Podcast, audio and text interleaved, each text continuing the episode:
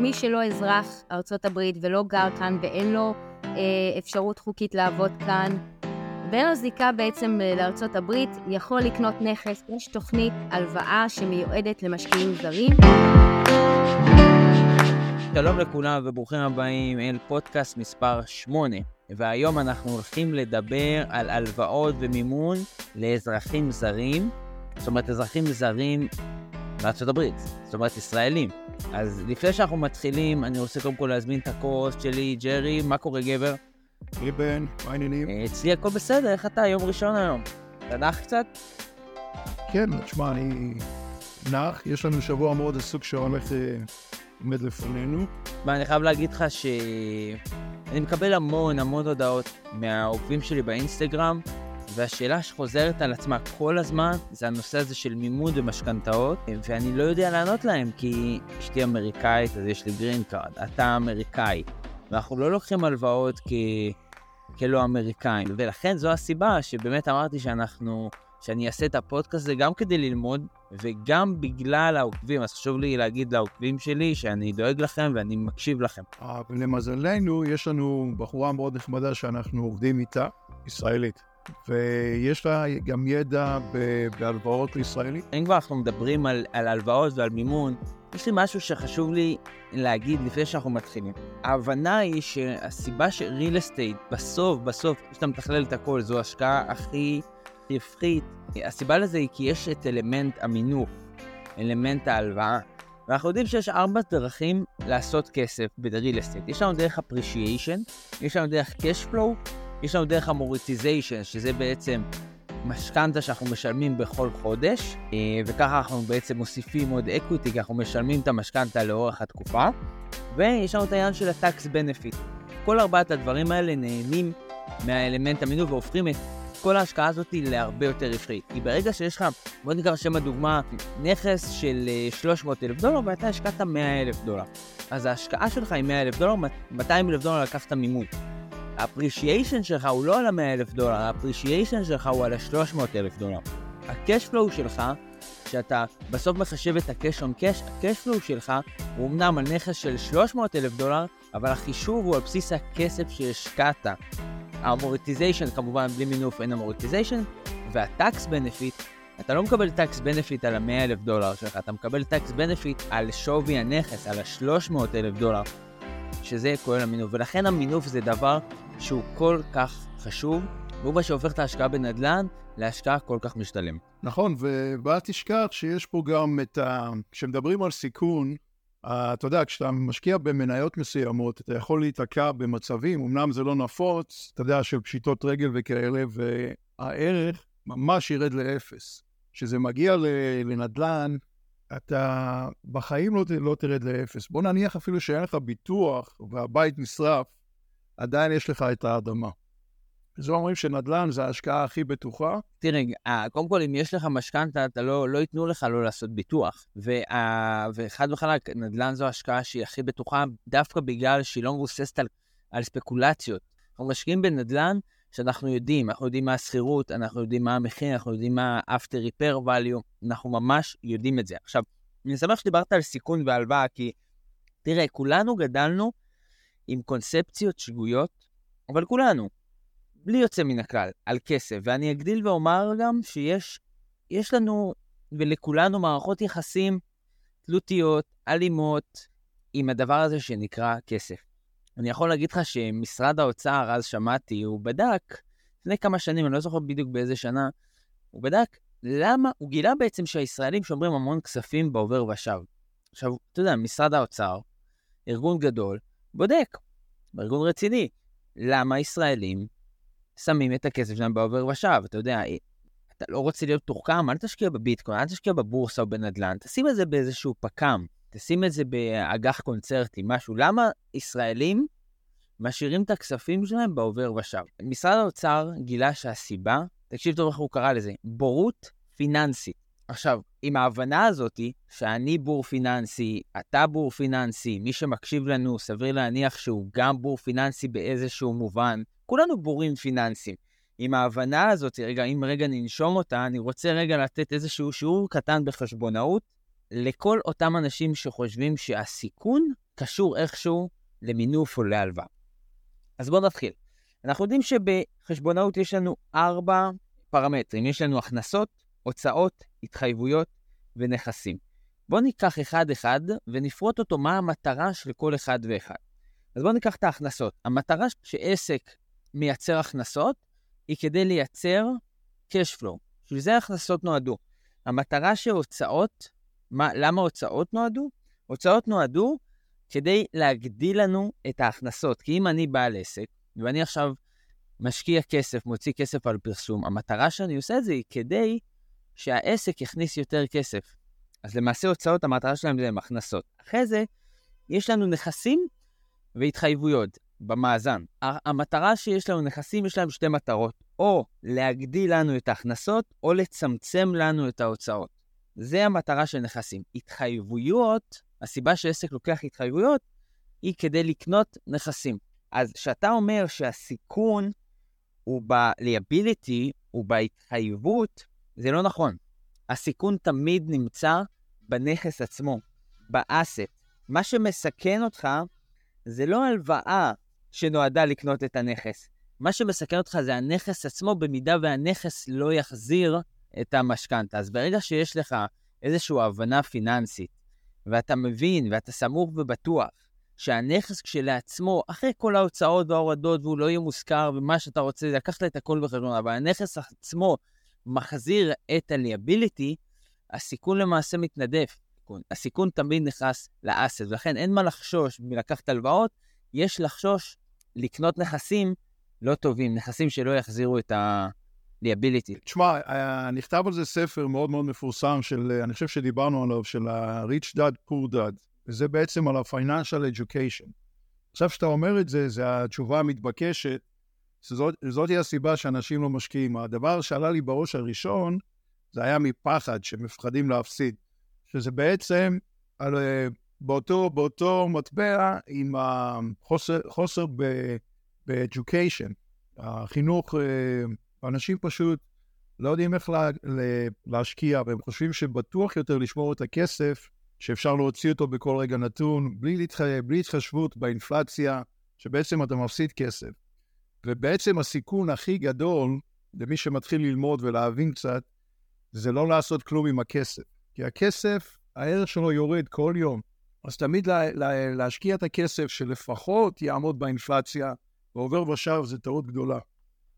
חד וחלק. והסיכון פה הוא באמת, אה, כשאנחנו מדברים על 2008, אז uh, מדובר פה על הלוואות שהן סאב פריים, לאנשים שאין להם יכולת להחזיר את המשכנתה, ולנכסים שלא יכולים להחזיר את ההלוואה של עצמו. אז בואו נהיה בטוחים שמה שהקריס את השוק ב-2008, אלה לא נכסים עם DSCR תקין, אלה נכסים שהם כשלעצמם לא יכולים להחזיר את המשכנתה. טוב, אז ג'רי, אז אני רוצה להזמין את uh, רחלי. רחלי, את נמצאת פה איתנו? היי, תודה שהזמנתם אותי. שלום. אני מאוד שמח שאת איתנו, אני מאוד שמח שהפודקאסט הזה הוא בעברית. ומה קורה איתך? איך הולך?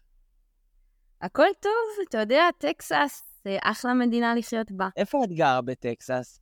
בפריסקו. כן, קרוב לטרי.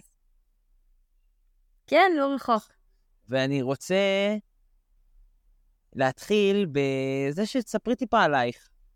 איך הגעת לתחום? מה, מה את בדיוק עושה?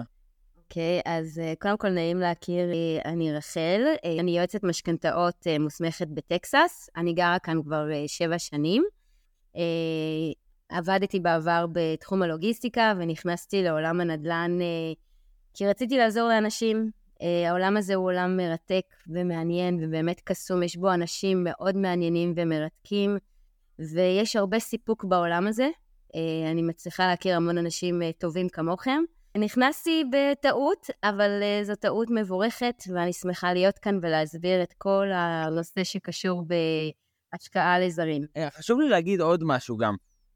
כי כל הפודקאסט, כל הפודקאסט שלי, אני באמת אה, מראיין, אנחנו מראיינים אנשים שאנחנו עובדים איתם. זאת אומרת, זה לא אנשים ש... שאני מזמין, זה אנשים שאני ממש עובד איתם, לטוב ולרע.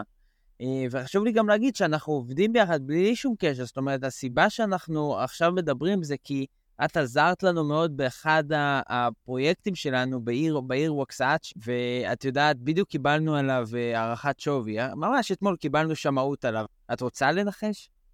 וואו, אמ, וואו, אין לי מושג, באזור ה... מיליון דולר? אז אנחנו קיבלנו ב-600 אלף דולר, ובדיוק אמרתי... Oh my God. Oh ובדיוק אמרתי לג'רי שזה בגלל המקלחות שעשיתי. המקלחות מהממות. הבית הזה בית מקסים, והמיקום מהמם, והעיר קסומה ומהממת. אני מאוד אהבתי אה, ללכת ברחובות שם, במיוחד שזה next to the uh, downtown. וואו, באמת מפתיע. אני חייבת לומר שזה מפתיע אותי 600 אלף דולר. עשיתם חיל, כל הכבוד. אה, עכשיו מה שנשאר לנו זה רק לעשות refinance, cash out ולמשוך את ההשקעה שלנו ולגלגל אותה להשקעה אחרת, ועוד מעט אנחנו ניגע בזה, אם, כיצד ישראלים יכולים... אה, אה, לעשות את המודל הזה, מה שנקרא BRRRR. אז קודם כל, השאלה הראשונה שאני רוצה לשאול זה, האם הדבר הזה בכלל אפשרי? האם אזרחים זרים, זאת אומרת, ישראלים, יכולים לקבל משכנתאות מבוססות נכס בארצות הברית? אז הבשורות הטובות שניתן לרכוש, מי שלא אזרח ארצות הברית ולא גר כאן ואין לו אה, אפשרות חוקית לעבוד כאן, ואין לו זיקה בעצם אה, לארצות הברית, יכול לקנות נכס, יש תוכנית הלוואה שמיועדת למשקיעים זרים. ותגידי, האם בסופו של דבר אותו אדם צריך לפתוח LLC, צריך לפתוח חברה מיוחדת, או שהוא יכול ממש אה, על בסיס השם שלו? אפשר גם וגם, אפשר גם על בסיס אה, השם שלו וגם על בסיס LLC, כן. תגיד, אני מדבר המון בוולוג שלי על, על הנושא של LTV, שזה מה שנקרא Loan to Value. אני אתן איזשהו הסבר קצר. אה, אם אני צריך לקבל משכנתה, נגיד על נכס שהשווי שלו הוא 100 אלף דולר, ואני רוצה לקבל 80 אלף דולר, אז ה-LTV שלי, ה-Loan to Value, הוא 80 אחוז. השאלה שלי היא, כמה LTV משקיע זר ישראלי אה, יכול לקבל? אוקיי, okay, אז חשוב מאוד לציין שהתוכנית הזאת, ה-Foreign National, זה מינימום הלוואה של 150 אלף דולר.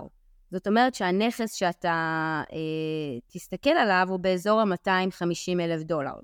ה-LTV שמאשרים הוא בין, 75, בין 65 אחוז ל-75 אחוז, תלוי ביחס שמתקבל מהנכס. אני אסביר uh, לעומק uh, בשאלות הבאות, ונבין את כל העניין הזה מכל הכיוונים. אוקיי, okay, בעצם כשאת אומרת מהשווי, חשוב מאוד להבין זה כי יש פה הבדל מהותי בין ישראל לבין ארה"ב. מה שקורה בישראל, שמקבלים משכנתה, הבנק לא אכפת לו מה שווי הנכס. הבנק לא יביא לך משכנתה על בסיס ה-value שלו, אלא על בסיס החוזה. מה שקוראים לו בארצות הברית LTC, שזה loan to cost. כמה בסופו של דבר אותו משקיע ישראלי יצטרך לשים down payment, מה שנקרא, הון עצמי. אוקיי, okay, אז, אז אה, פה אנחנו צריכים להבין את, ההלו... את סוג ההלוואה שאנחנו מדברים עליה. אנחנו, אתה מדבר על, על, על מושגים מאוד אה, כלליים שקיימים בעולם הזה, וזה נכון לומר את זה, אבל הסוג ההלוואה של ה-Foreign National זה סוג ספציפי שההסתכלות על, עליו היא שונה. זאת אומרת שנניח, אה, כדי, כדי לקבל את ההלוואה הזאת, אוקיי, ההסתכלות היא על גובה הנכס. כמה אתה מקבל בסופו של דבר שכירות מהנכס. אתה, יש לך שמאי שמגיע לבית, בודק אותו, עושה ניתוח נתונים של השוק, בודק את ערך הבית, בודק את ערך השכירות לפי השוק וקובע מספר. עכשיו, אתה אה, כבעל הנכס הצלחת להס, אה, אה, להשכיר את הבית הזה ב-3,000 דולר, בהנחה. אבל השמאי אמר שאת, שהשווי לפי, השווי השכירות לפי השוק הוא 3,200 דולר. הלנדר, המלווה של הכסף, הוא יסתכל על, על הנתון הנמוך מביניהם. זאת תהיה הנוסחה שלו. וזה יהיה גובה השכירות חלקי התשלום החודשי, ולפי זה יחליטו כמה בעצם הגובה השכירות מכסה את הלון, ויחליטו לפי זה כמה אה, הון אה, עצמי אתה תשלם. זה ינוע בין 25% לבין 35%. הבנתי. אז בואו, בוא רגע, אני רק רוצה שה, שהמאזינים יבינו את זה. בואו בוא ניקח איזושהי דוגמה. בואו נגיד ויש לי נכס שעולה 200 אלף דולר, אה, והנכס הזה מושכר ב-2,000 דולר כל חודש. ובוא נגיד, ומה שאת אומרת שהוא עושה את המתמטיקה, זה מה שנקרא ה-DSCR של הנכס. בוא נגיד שה-2,000 דולר זה מה שהשמאי אמר וזה מה שהשוק נתן. המלווה ייתן לי סכום בהנחה, והסכום הזה נמוך ב-0.8, אני מניח, החזר החודשי של הנכס. עכשיו, תני לי איזושהי דוגמה, על מה אנחנו מדברים. בוא נגיד ויש לי נכס שיכול להניב, שעולה 200 אלף דולר ומניב 2,000 דולר אה, בחודש. אוקיי, וגם התשלום החודשי שלי הוא 2,000 דולר לפי הדוגמה הזאת? זה אחד לאחד? כן. כן. אוקיי, אם זה אחד לאחד, זה אומר שהדרישה שלך אה, כלווה צריך להביא 25% לשולחן, אוקיי? מתחת לזה, אתה תצטרך להשלים אה, ל-35%. זה המשחק. אם אתה לא תעמוד בקריטריונים של ההלוואה, אתה תצטרך להביא יותר כסף לשולחן. הבנתי. והקריטריונים של ההלוואה למעשה, אם הנכס מניב כשלעצמו 2,000 דולר, והמשכנתה שלי היא 2,000 דולר, כשאנחנו אומרים משכנתה, אנחנו מדברים על משכנתה, פרופטי טקס ואינשורנס, ואסוסיישן. נכון מאוד. התשלום החודשי מורכב מ-PITIA, שזה principal, שזה המשכנתה, interest rate, שזו הריבית, uh, taxes, שזה ה-property taxes, זה מיסים על הבית, ו-I, homeowner insurance, שזה הביטוח של הבית, וה-A, homeowner association, ביחד כל זה uh, כולל את התשלום החודשי. על זה בדיוק אנחנו מדברים. ואז הנוסחה היא גובה השכירות, חלקי תשלום החודשי, ואז הם בודקים את היחס ביניהם. אם היחס הוא אחד לאחד, מעולה. את, את, את, אתם תביאו לשולחן רק 25% הון עצמי, ותקבלו 75% מההלוואה. אה, הבנתי, אם היחס הוא לא אחד לאחד, אתם תצטרכו להביא עוד כסף לשולחן כדי להוריד את המשכנתה עצמה, את גובה המשכנתה, ועל ידי זה שאתה מוריד את גובה המשכנתה, את המספר, אז גם ההחזר החודשי שלך, מן הסתם יורד. כן, ואם ב-worst scenario, גובה השכירות אה, לא מכסה 80% מהתשלום החודשי, המלווה יבקש להוסיף עוד כסף. והאם המלווה, האם המלווה מתחשב בזה שאותו משקיע אה, הביא דיל, חבל על הזמן, עם 30 אחוז equity? האם, האם זה משנה למלווה, או שזה לא משנה לו בכלל? זאת אומרת, האם אכפת לו מה-ARV? האם אכפת לו מהאקוויטי שיש בנכס? לא בשלבים הראשונים. בשלב הראשון הוא, הוא מסתכל רק על דוח השמאי. זה הפקטור החשוב ביותר להתניע את ההלוואה הזאת קדימה. כשאת אומרת דוח שמאי, את מדברת על דוח שמאי של שכירות, לא על דוח שמאי של שווי הנכס. המלווה מבקש את שניהם. יהיה לך גם על ערך הבית וגם אה, גובה השכירות. אוקיי, אז הוא פחות, הוא פחות uh, מעניין אותו בעצם שווי הנכס, אלא יותר השכירות. וגם אפשר מאוד להבין, אפשר מאוד להבין, כי הוא רוצה לוודא, הוא, הוא פחות או יותר לא מכיר את המלווה, עוד מעט ניגע בזה קצת יותר, אבל הוא, אני מנסה לה, תמיד להיכנס לראש של, ה, של הבנק. והבנק אומר, תראה, אני לא יודע, אני לא יודע איך אני רודף אותך, אני לא יודע מאיפה אתה, אני לא יודע מי אתה, מה אתה ומה יקרה לך עוד מעט, אבל אני רוצה לוודא שגם אם אתה עכשיו, לא יודע מה, ברחת, נסעת להודו, לא מוצאים אותך, עדיין הנכס כשלעצמו יחזיר לי את הכסף. נכון. Uh, אני, אני חייבת uh, לחדד את, uh, שכל מה שאני אומרת כאן היום זה באמת תלוי בלנדר. כל לנדר, כל מלווה, יש לו את ההנחיות שלו הבסיסיות. הרבה מהם מאוד דומים בהנחיות שלהם, אבל יש גם הנחיות מיוחדות שככל שההלוואה מתקדמת קדימה, יש יותר conditions. אז זה משתנה בין לנדר ללנדר. אז uh, זה חשוב מאוד לציין. אוקיי, okay, ויש לי עוד שאלה. Uh... שקיבלתי בעצם, ושאלו אותי לשאול אותך. קודם כל, אם הלווה צריך להציג איזשהו מסמכים, הכנסות, האם בודקים את, ה... את הלווה עצמו מעבר לנכס? אוקיי, okay, שאלה מצוינת. קודם כל, כדי, אחד הקריטריונים אה, לגשת להלוואה הזאת, היא שיש לך דרכון בתוקף, ויזה של ארצות הברית בתוקף, חשבון בנק בתוך ארצות הברית שיש בו מספיק אה, מההון העצמי להראות שיש כסף. אה, במידה ומישהו פותח אה, חשבון בנק היום ומצא נכס שבוע הבא ורוצה לקנות אותו, אז המלווה יבקש לראות את מקור הכסף, שזה בעצם אה, אה, תצהירי בנק מישראל, אבל זו התחלה של ה... שבעצם להתניע את ההלוואה. דרכון בתוקף, ויזה בתוקף, חשבון בנק בתוך ארה"ב עם כסף, עם הון עצמי, וכמובן, אה, הצטר... כדי להתחיל את ההלוואה צריך חוזה קנייה. ומה בנוגע להכנסות? האם הוא יסתכל על טופס 106? האם הוא יסתכל על תלושי משכורת ישראלים? לא. אין הסתכלות על הכנסה של הבן אדם. הכנסה, אין הסתכלות על זה. רק על האפס. איך פותחים פה חשבון אה, בנק? אוקיי, אפשר לפתוח חשבון בנק רימוטלי, מרחוק. אה, יש בנקים שעושים את זה. ולא צריך גם להיות אזרח כדי לפתוח חשבון בנק, זה אני יודע. אה, ותגידי, בוא נדבר רגע על, אה, על ריביות. על איזה ריביות אנחנו מדברים? אוי, הנושא האהוב בימים אלה, ריביות. אוקיי, אתה תופתע לגלות שהריביות אה, ל, ל, לסוג ההלוואה אה, לא כל כך גבוהות מהלוואה רגילה, אה, מדובר על אה, 8.5 עד 9 אחוז. אז זה ל-30 שנה בעצם, זה משכנתה 30 שנה רגילה לגמרי. אה, זו ריבית קבועה ל-30 שנה. יש עוד תוכניות, אה, תתי תוכניות, אה, זה אה, אה, ריבית משתנה, אה, interest only, שאני היום מדברת על ריבית אה, קבועה למשך 30 שנה. תגידי, ויש penalties אה, אם אה, משלמים את זה מוקדם יותר? כן, יש penalties בשלוש שנים הראשונות. ברגע שאתה רוצה אה, לעשות refinance, ברגע שאתה רוצה לשלם לטובת המשכנתה, וברגע שאתה מוכר את הבית, יש אה, טריגר של פנלטי של המלווה אה, בשלוש שנים הראשונות. בדרך כלל זה באזור אה, של אה, שישה חודשים של תשלום ריבית. קיבלתי שאלה מאוד מעניינת. זה האם ניתן לקחת הלוואה אה, כנגד נכס קיים שנקנה במשכנתה אה, בארץ או בארצות הברית?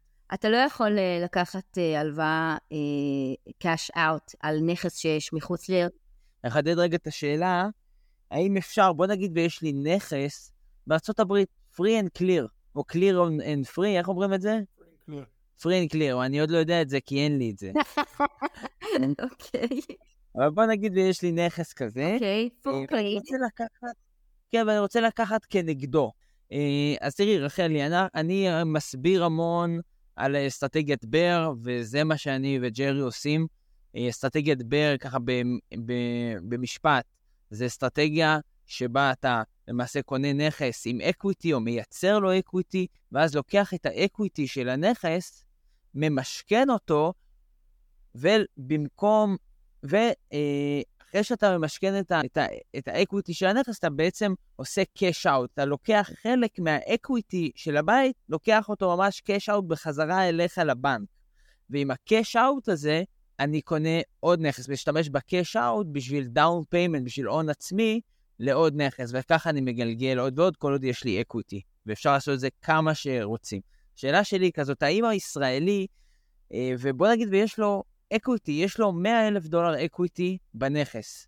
האם הוא יכול לעשות מחזור משכנתה, refinance, ולמשוך חלק מה-100 אלף דולר בחזרה אליו? ואם כן, אז כמה בדיוק, מבחינת אחוזים? כמה מאותו 100 אלף דולר מה equity הוא יכול לעשות refinance, הוא יכול לעשות cash out? אז ההסתכלות היא על, על, על שווי total הנכס. אה, יש מינימום של הלוואה. הם לא ייתנו 100 אלף דולר. כן, ברור שאתה צריך, אז רגע, אני אחדד טיפה את השאלה, כי ברור שצריך גם להחזיר את ההלוואה הקיימת. כשאני אומר 100 אלף דולר equity, אני מתכוון שיש לי הלוואה של 200 אלף דולר, ויש לי עוד equity של 100 אלף דולר, ואני כרגע רוצה למשוך 50 אלף דולר מה equity. מה שאני עושה, אני בעצם לוקח הלוואה על 250 אלף דולר. ב-250 אלף דולר, 200 אני מחזיר, אני עושה לו pay-off, ואת ה-50 אלף דולר equity אני מושך אליי לבנק. האם זה דבר שאפשרי? אתה אומר, קנית נכס, שיפצת אותו, אה, הנכס שווה הרבה יותר עכשיו, הוא צבר equity של אה, עוד 150 אלף דולר, אתה חוזר ל... אה, למלווה ואומר, אוקיי, הנכס שלי עכשיו שווה 150 אלף דולר יותר, ויחד עם ה down payment שכבר שמת בבית, אתה רוצה למשוך סכום כסף. אז, אז כן, זה אפשרי. כמובן שיש uh, ל-refinance cash out גם מינימום LTV וגם דוח שמאי חדש. יש בעצם, זה בעצם הלוואה מחדש, מהיסוד. ומסתכלים עליה מכל העבר. וכן, זה מה שמשקיעים עושים. משקיעים, יש להם אסטרטגיה מאוד זהה, שמגלגלים את ה-cash out. אז למעשה גם פה מדובר על 75 אחוז מה... מה-ARV, מה... מה שנקרא 75 אחוז LTV. ה-cash out זה 65 אחוז, תלוי במלווה. אנחנו, אנחנו עושים בדיקה בין כמה... אני עובדת עם uh, כמה לנדרים, יש לי בערך uh, בין חמישה לשבעה לנדרים שאני עובדת איתם על הלוואות של non-qualified mortgage, ואני עושה בדיקה מול, מול, uh, מול כמה וכמה uh, מלווים, ואני מתאימה את זה ללקוח. כי זה באמת case by case scenario. אני יכול להגיד, אני יכול להגיד גם למאזינים שאנחנו אה, כאמריקאים מקבלים אה, cash out 80 אחוז אה, loan to value.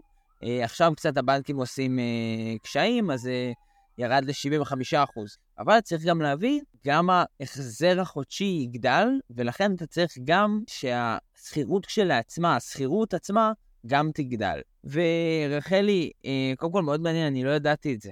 ועכשיו את ממש אה, חידשת לי, זה מדהים. השאלה הבאה שלי, כי זה משהו שמאוד מאוד מעניין אותי באופן אישי, כי היום המלווים לוקחים דבר שנקרא origination fees, שזה, או הסלנג של זה זה points. מה זה points?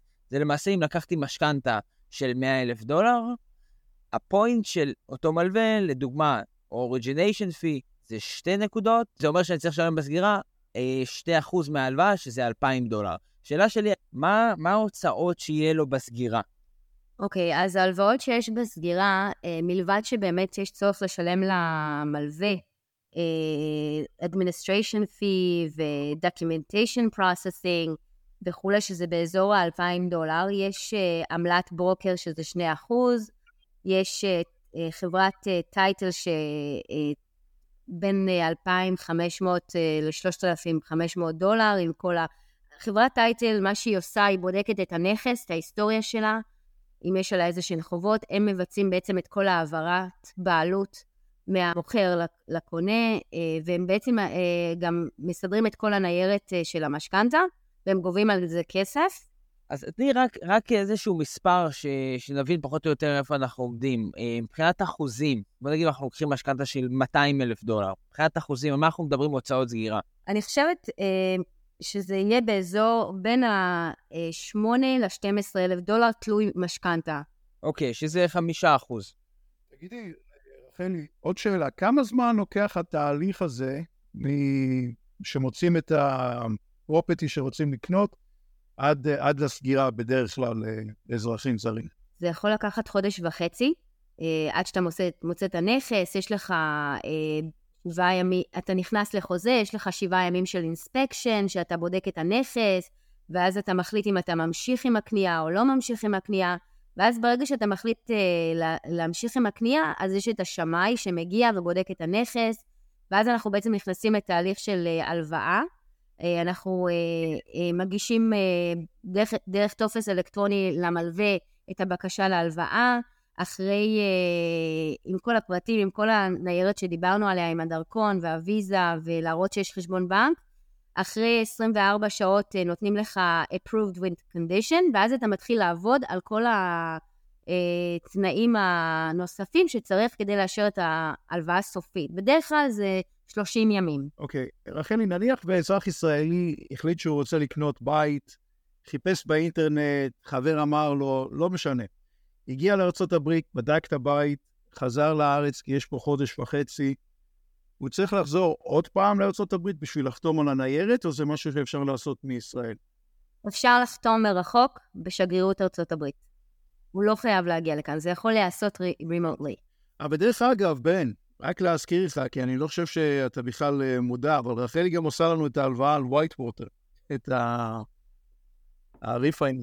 תקשיבי, רחלי, את יודעת כמה אה, שיחות היו לי ולג'רי על הבית הזה ב White Water? את לא, בח... את לא יכולה לתאר כמה פעמים, מה אתה אומר? נמכור, לא נמכור, נשאיר, לא נשאיר, ואני רק מתחנן שלא נמכור אותו. אז אני מאוד שמח שאנחנו הולכים לכיוון הזה של refinance. אני בטוח שאם ג'רי לא שמח עכשיו, הוא ישמח עוד שנה, שנתיים או שלוש. אה, ואני מאוד מקווה שאנחנו נגיע לאזור החצי מיליון כדי אה, שנוכל לעשות איזשהו... תראה, אני, אני באמת רציתי להפליפ אותו, כי זה היה בית שהיה בנוי להפלפה. ודרך אגב, לקחנו שם הלוואה בלי שהכנסנו בכלל כסף לה, להלוואה, ממשהו שנקרא private lender, אולי נדבר על זה בהמשך, נעסוק קצת לחומר. והמשכנתה שלנו מאוד גבוהה, זה היה ממש מיועד ל... ל...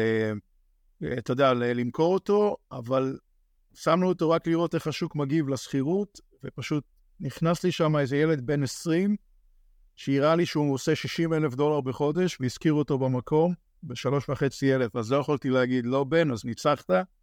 אין, כשזה meant to be, זה meant to be. טוב, אני רוצה לשאול אותך עוד שאלה, חני, שמישהו פה, ששלחו לי. אה, מה משקיע זר צריך להביא איתו לשולחן כדי להיטיב את התנאים של המימון? אוקיי, okay, אז יש אפשרות אה, שיכולה לעזור כאן, אה, שהיא בגודל של 2% כדי לבטל את דמי אה, הפירעון, עמלת הפירעון המוקדם. אה, ככה שלא, שאין קנס יציאה בעצם. ואם אתה משלם קצת יותר, אתה יכול לעשות uh, refinance, cash out, refinance in terms, מתי שאתה רוצה, במה, ב, בלי הקנס של השלוש שנים. זה משהו שמטיב, אם אתה מביא יותר כסף לשולחן. ומה מה שנקרא אצלנו, שאנחנו לוקחים מה שנקרא uh, buy down, שאנחנו בעצם קונים ריביות יותר נמוכות. אנחנו בעצם מביאים יותר כסף לסגירה כדי לקבל איזשהו אה, אחוז או חצי אחוז פחות לאורך הים. כן, אתה, יכול לקנות, אה, לשלם יותר ולקנות את הריבית קצת למטה, זה אפשרי. הבנתי, אז אפשר גם להטיב על ידי זה שבאים יותר כסף לסגירה ומורידים את, את הריביות, או להביא עוד כסף לסגירה ולקבל גם, אה, בעצם להוציא את הקנס, אה, עמלת פירעון אה, מוקדם. ג'רי, יש לך עוד איזושהי שאלה? כן, ראיתי פה מישהו כתב שאלה מאוד מעניינת, אה, שאני לא ידעתי, כי אף פעם לא היה לי בית בישראל, אבל אה, צריך לקחת אה, ביטוח חיים בארץ, פן? ושאתה לוקח משכנתה? אוקיי, בארצות הברית אני לא מאמין שזה משהו ש, שצריך, נכון, רחלי? לא, אין צורך. אין צורך בביטוח חיים למשכנתה כאן. אוקיי, אז אני רק רוצה לעשות איזשהו חישוב קטן, שנבין איפה אנחנו עומדים. אז בוא נגיד ואני לוקח... אה, משכנתה. הסיבה שאני עושה את זה, אגב, כי יש לי פה איזו שאלה שמישהו שאל אותי, כמה הון עצמי צריך למתחיל. אז בוא נגיד ואנחנו לוקחים, אה, קונים בית של ב-250 אלף דולר, ו-250 אלף דולר אנחנו נלך על, ה- על הקיצון 0.35 אה, הון עצמי. זה אומר שאני צריך לבוא עם 87 אלף דולר מהבית כהון עצמי, 87 אלף דולר, והבנק כמובן יביא לי פחות 87 אלף דולר, יביא לי 162 וחצי. לאותם 87 אלף דולר אני צריך לבוא גם עם הוצאות סגירה שדיברנו על משהו כמו 5 אחוז, אה, שזה בוא נגיד עוד 8,000 דולר. זאת אומרת שבסך הכל אני צריך להגיע אה, מהבית עם סדר גודל של 95 אלף דולר. אה, זה למעשה המינימום שאני יכול על מנת לקבל משכנתה אה, יחסית טובה בריביות, 8.5, למש... ל-30 שנה שהיא גם פרינסיפל וגם אינטרסט. אה, זה מוביל אותי בעצם לחישוב של 95 אלף דולר.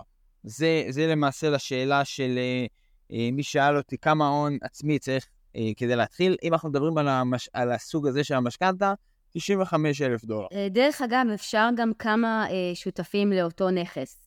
ההלוואה הזאת מאפשרת גם שותפים. האם אותם שותפים צריכים לפתוח LLC משותף? כן? או שהם אה, יהיו אה, אה, לווים אינדיבידואליים, אוקיי? שגם חותמים להלוואה. זאת אומרת, ההלוואה תהיה על כל אחד מהם. הבנתי. אז זה אומר, לבן אדם שאין לו את ה-95 אלף דולר הון עצמי, הוא יכול להביא גם שותפים, וכל אחד יכול אה, להביא באזור ה-45 אלף דולר. אה, והם יכולים לקנות אה, נכס ביחד. וזה שוב תלוי לנדר, יש לנדרים שמאפשרים עד ארבעה שותפים, אה, להלוואה, ויש לנדרים שצריך פשוט לבדוק מולם. כן, כמובן. ותגידי, נגיד אני עכשיו בארץ, אני מקשיב, אני רוצה להתחיל את התהליך. מה נקסט? ליצור קשר אה, איתה, או מה? מה יהיה התהליך? כן, אה, ליצור קשר איתי, ואני אשמח לייעץ ולכוון, למצוא סוכני נדל"ן בשטח שיתחילו לחפש את הבתים ש...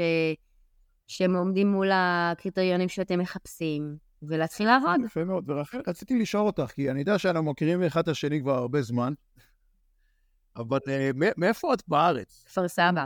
הייתי, את מכפר סבא. אין על כפר סבא. כן.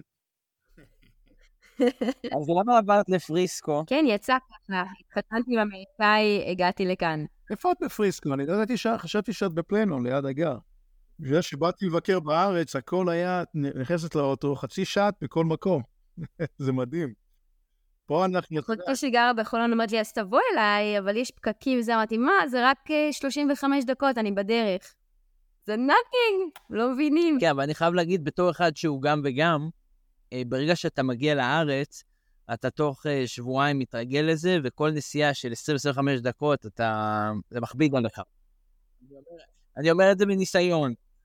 זה לוקח בדרך כלל שבועיים. יש מצב. נכון, יש. תראי, רחלי, אני רוצה אה, לשים את הפרטים שלך אה, ב description של הפודקאסט, פודקאסט, ואני אשים את הפרטים שלך, וכל מי שרוצה יכול פשוט אה, להתקשר, אה, או לשלוח אימייל. ורחלי, אני רוצה להגיד לך שזה היה כל כך מלמד, ואני בטוח שזה, אה, אני פשוט יודע את זה, כי זה אחד הדברים שהכי הרבה שואלים, זה היה כל כך מעניין, כל כך מלמד, וזה פשוט הראה לי שבסוף באדם שהוא רוצה, הוא יצליח. זה לא משנה אם יש לך green card, או דרכון אמריקאי, או התחתנת עם אמריקאית, או אבא שלך אמריקאי, מי שרוצה, יצליח. וזה אני יכול להגיד את זה מניסיון של כל כך הרבה אנשים שראיתי. מי שבסופו של דבר רוצה, הוא ימצא את הדרך, ימצא את הפתרון, ואת אחד, הפתרונות. בדיוק, אה, אה, לכל דבר יש פתרון, אה, צריך לבדוק ולהתחיל לעבוד. מדברת איתי על שמונה וחצי אחוזים. אני רוצה רק להגיד שאנחנו, אני עושה היום ריפייננס, רחלי, כמה אנחנו עושים? שמונה אחוז אז, אז uh, אתם ממש, uh, מה זה שמונה אחוז? אני עוד, עוד uh, פגישה אחת עם הפד ואנחנו גם מגיעים לשמונה וחצי. חודש הבא אנחנו בשמונה וחצי. נכון, ואני אשתף אותך, ואני אשתף אותך שהלוואות רגילות, conventional loan, עומדים על 7.2. זה לא כזה רחוק מהשמונה וחצי.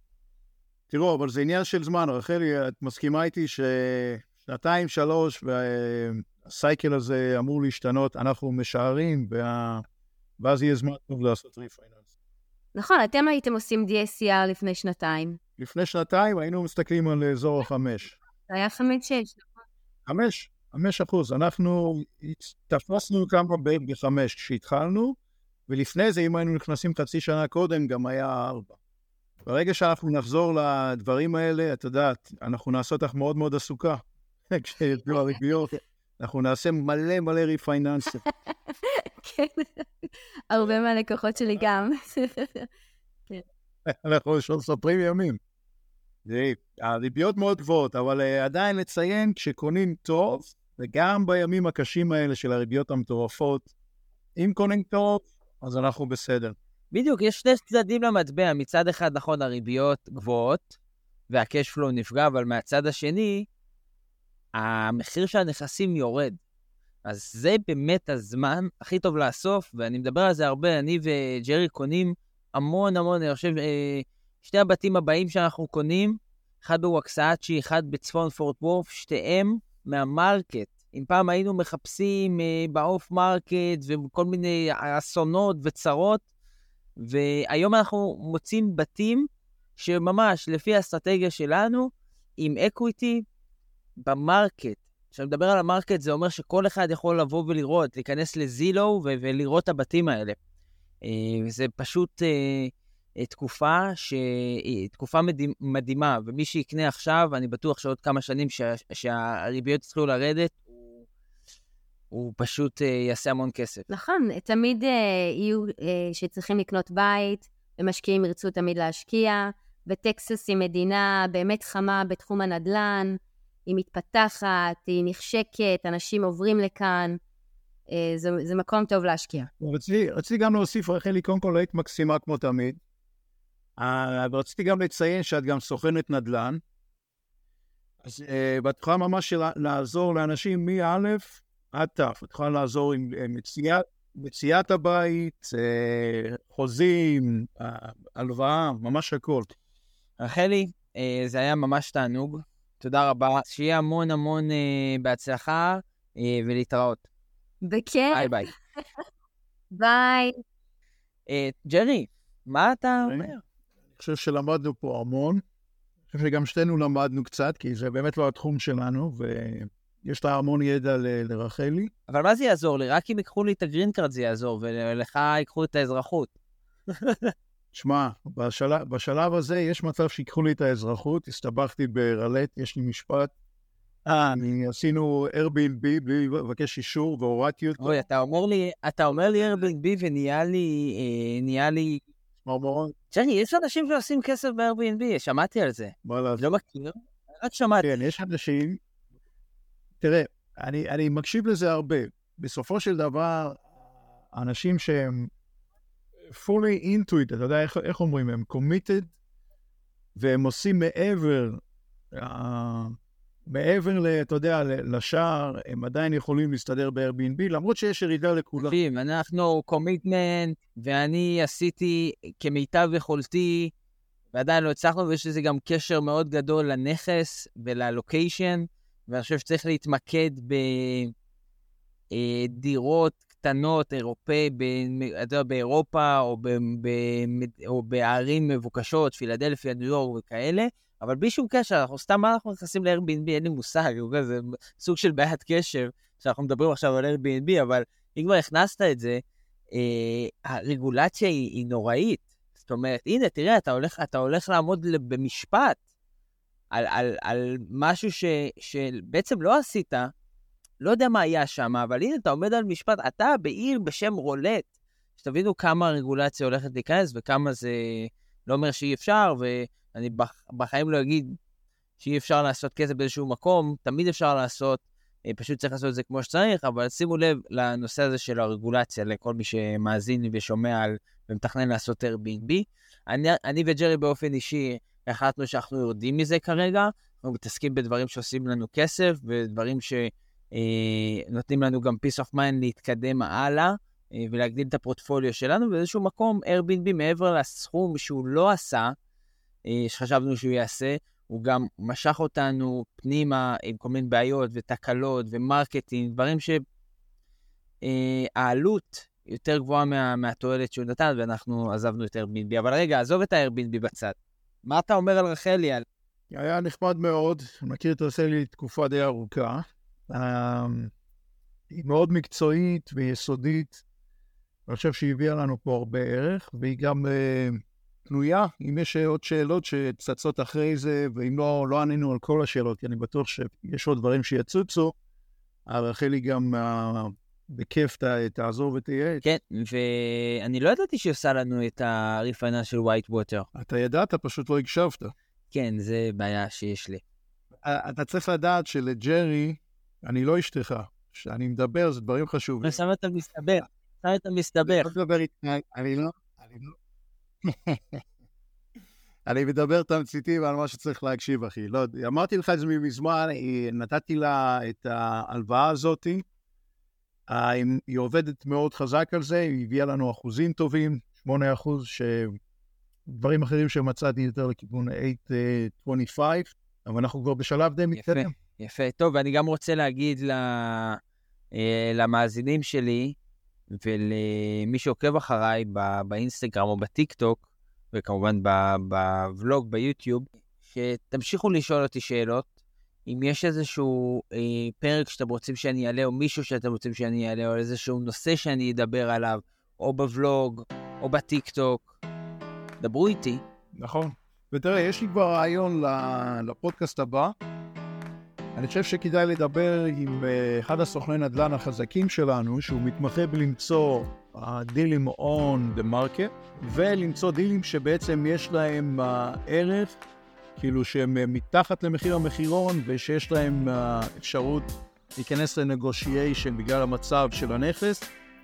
אה, ותגיד לי אם זה מה שמתאים לך ונכין את זה. אני חושב שזה מעולה, כי אנחנו נמצאים בתקופה שאתה יודע, מה, אתה יודע, מה שאנחנו עושים, מה שעשינו בוא נגיד לפני חצי שנה, וגם עכשיו, אה, למצוא נכסים שהם off market, אנחנו גם מאוד מקושרים, כי אנשים יודעים שבן וג'רי משלמים. יש דילים טובים, הם מביאים את זה אלינו קודם כל. אה, לא כי אנחנו יפים, אלא כי הם יודעים שאנחנו כבר משלמים, ולייצר את הקונקשנים האלה, זה דברים שלוקחים המון זמן. ואנחנו הצלחנו. ואחרי שאנחנו מקבלים את הדילים ואנחנו לא רוצים אותם, אז מפרסמים אותם בפייסבוק וכולי. אה, ומה שבעצם נותן למשקיעים עם, עם יותר ניסיון, איזשהו advantage, איזשהו יתרון על שאר האנשים. מה יש היום שאין, אה, שלא היה? היום לכולם יש הזדמנות שווה. למה? כי היום הדילים יכולים להימצא ביתר סט במרקט עצמו, שכל אחד עם מחשב ואינטרנט יכול לראות. אה, וזה יתרון שיש בתקופה הזאת, ואני יכול להגיד לכם, אמרתי את זה גם, שאנחנו קונים שתי דילים האחרונים שקנינו, שאנחנו הולכים, יש לנו סגירה עליהם החודש, שתי הדילים האלה הם ב market. טוב, וגם להוסיף שעוד דיל אחד שקנינו, שדיברנו עליו בפודקאסט הזה, שזה ה- White Water, הוא גם היה ב market. אה, נכון, הוא גם היה ב market. זה שרחלי עושה לנו את ה refinance, כן, גם market. רגע, רק שתבינו, הדיל הזה, הדיל הזה קנינו אותו ב-300 אלף דולר, השקענו בשיפוץ 85 אלף דולר, אה, נכס עם 100, 100, 120 אלף דולר equity, עוד יותר, ב market. 100 אחוז מינוף. נכון. אני מסביר על זה, אגב, ב... יש לי שתי פרקים על זה, אז איך אנחנו קונים אה, כסף בלי כסף. למרות שמה שעשינו ב White Water זה איזושהי אסטרטגיה אחרת, זה לא אותה אסטרטגיה. אסטרטגיה של ה assignment אנחנו בעצם קיבלנו את הכסף לסגירה מה assignment, נכון? זה משהו אחר. אה, טוב, בכל מקרה חברים, תודה רבה שהאזנתם, אני הייתי בן מאיר, הקורס שלי ג'רי זפריר. אה, אני מזמין אתכם לעקוב אחריי בטיק טוק, באינסטגרם, וכמובן בערוץ יוטיוב שלי, לעוד תכנים, עוד השקעות בטקסס, אתם יודעים מה לעשות, אה, אז שיהיה לכם אחלה של יום, ונתראה בפרקים הבאים. יאללה ביי.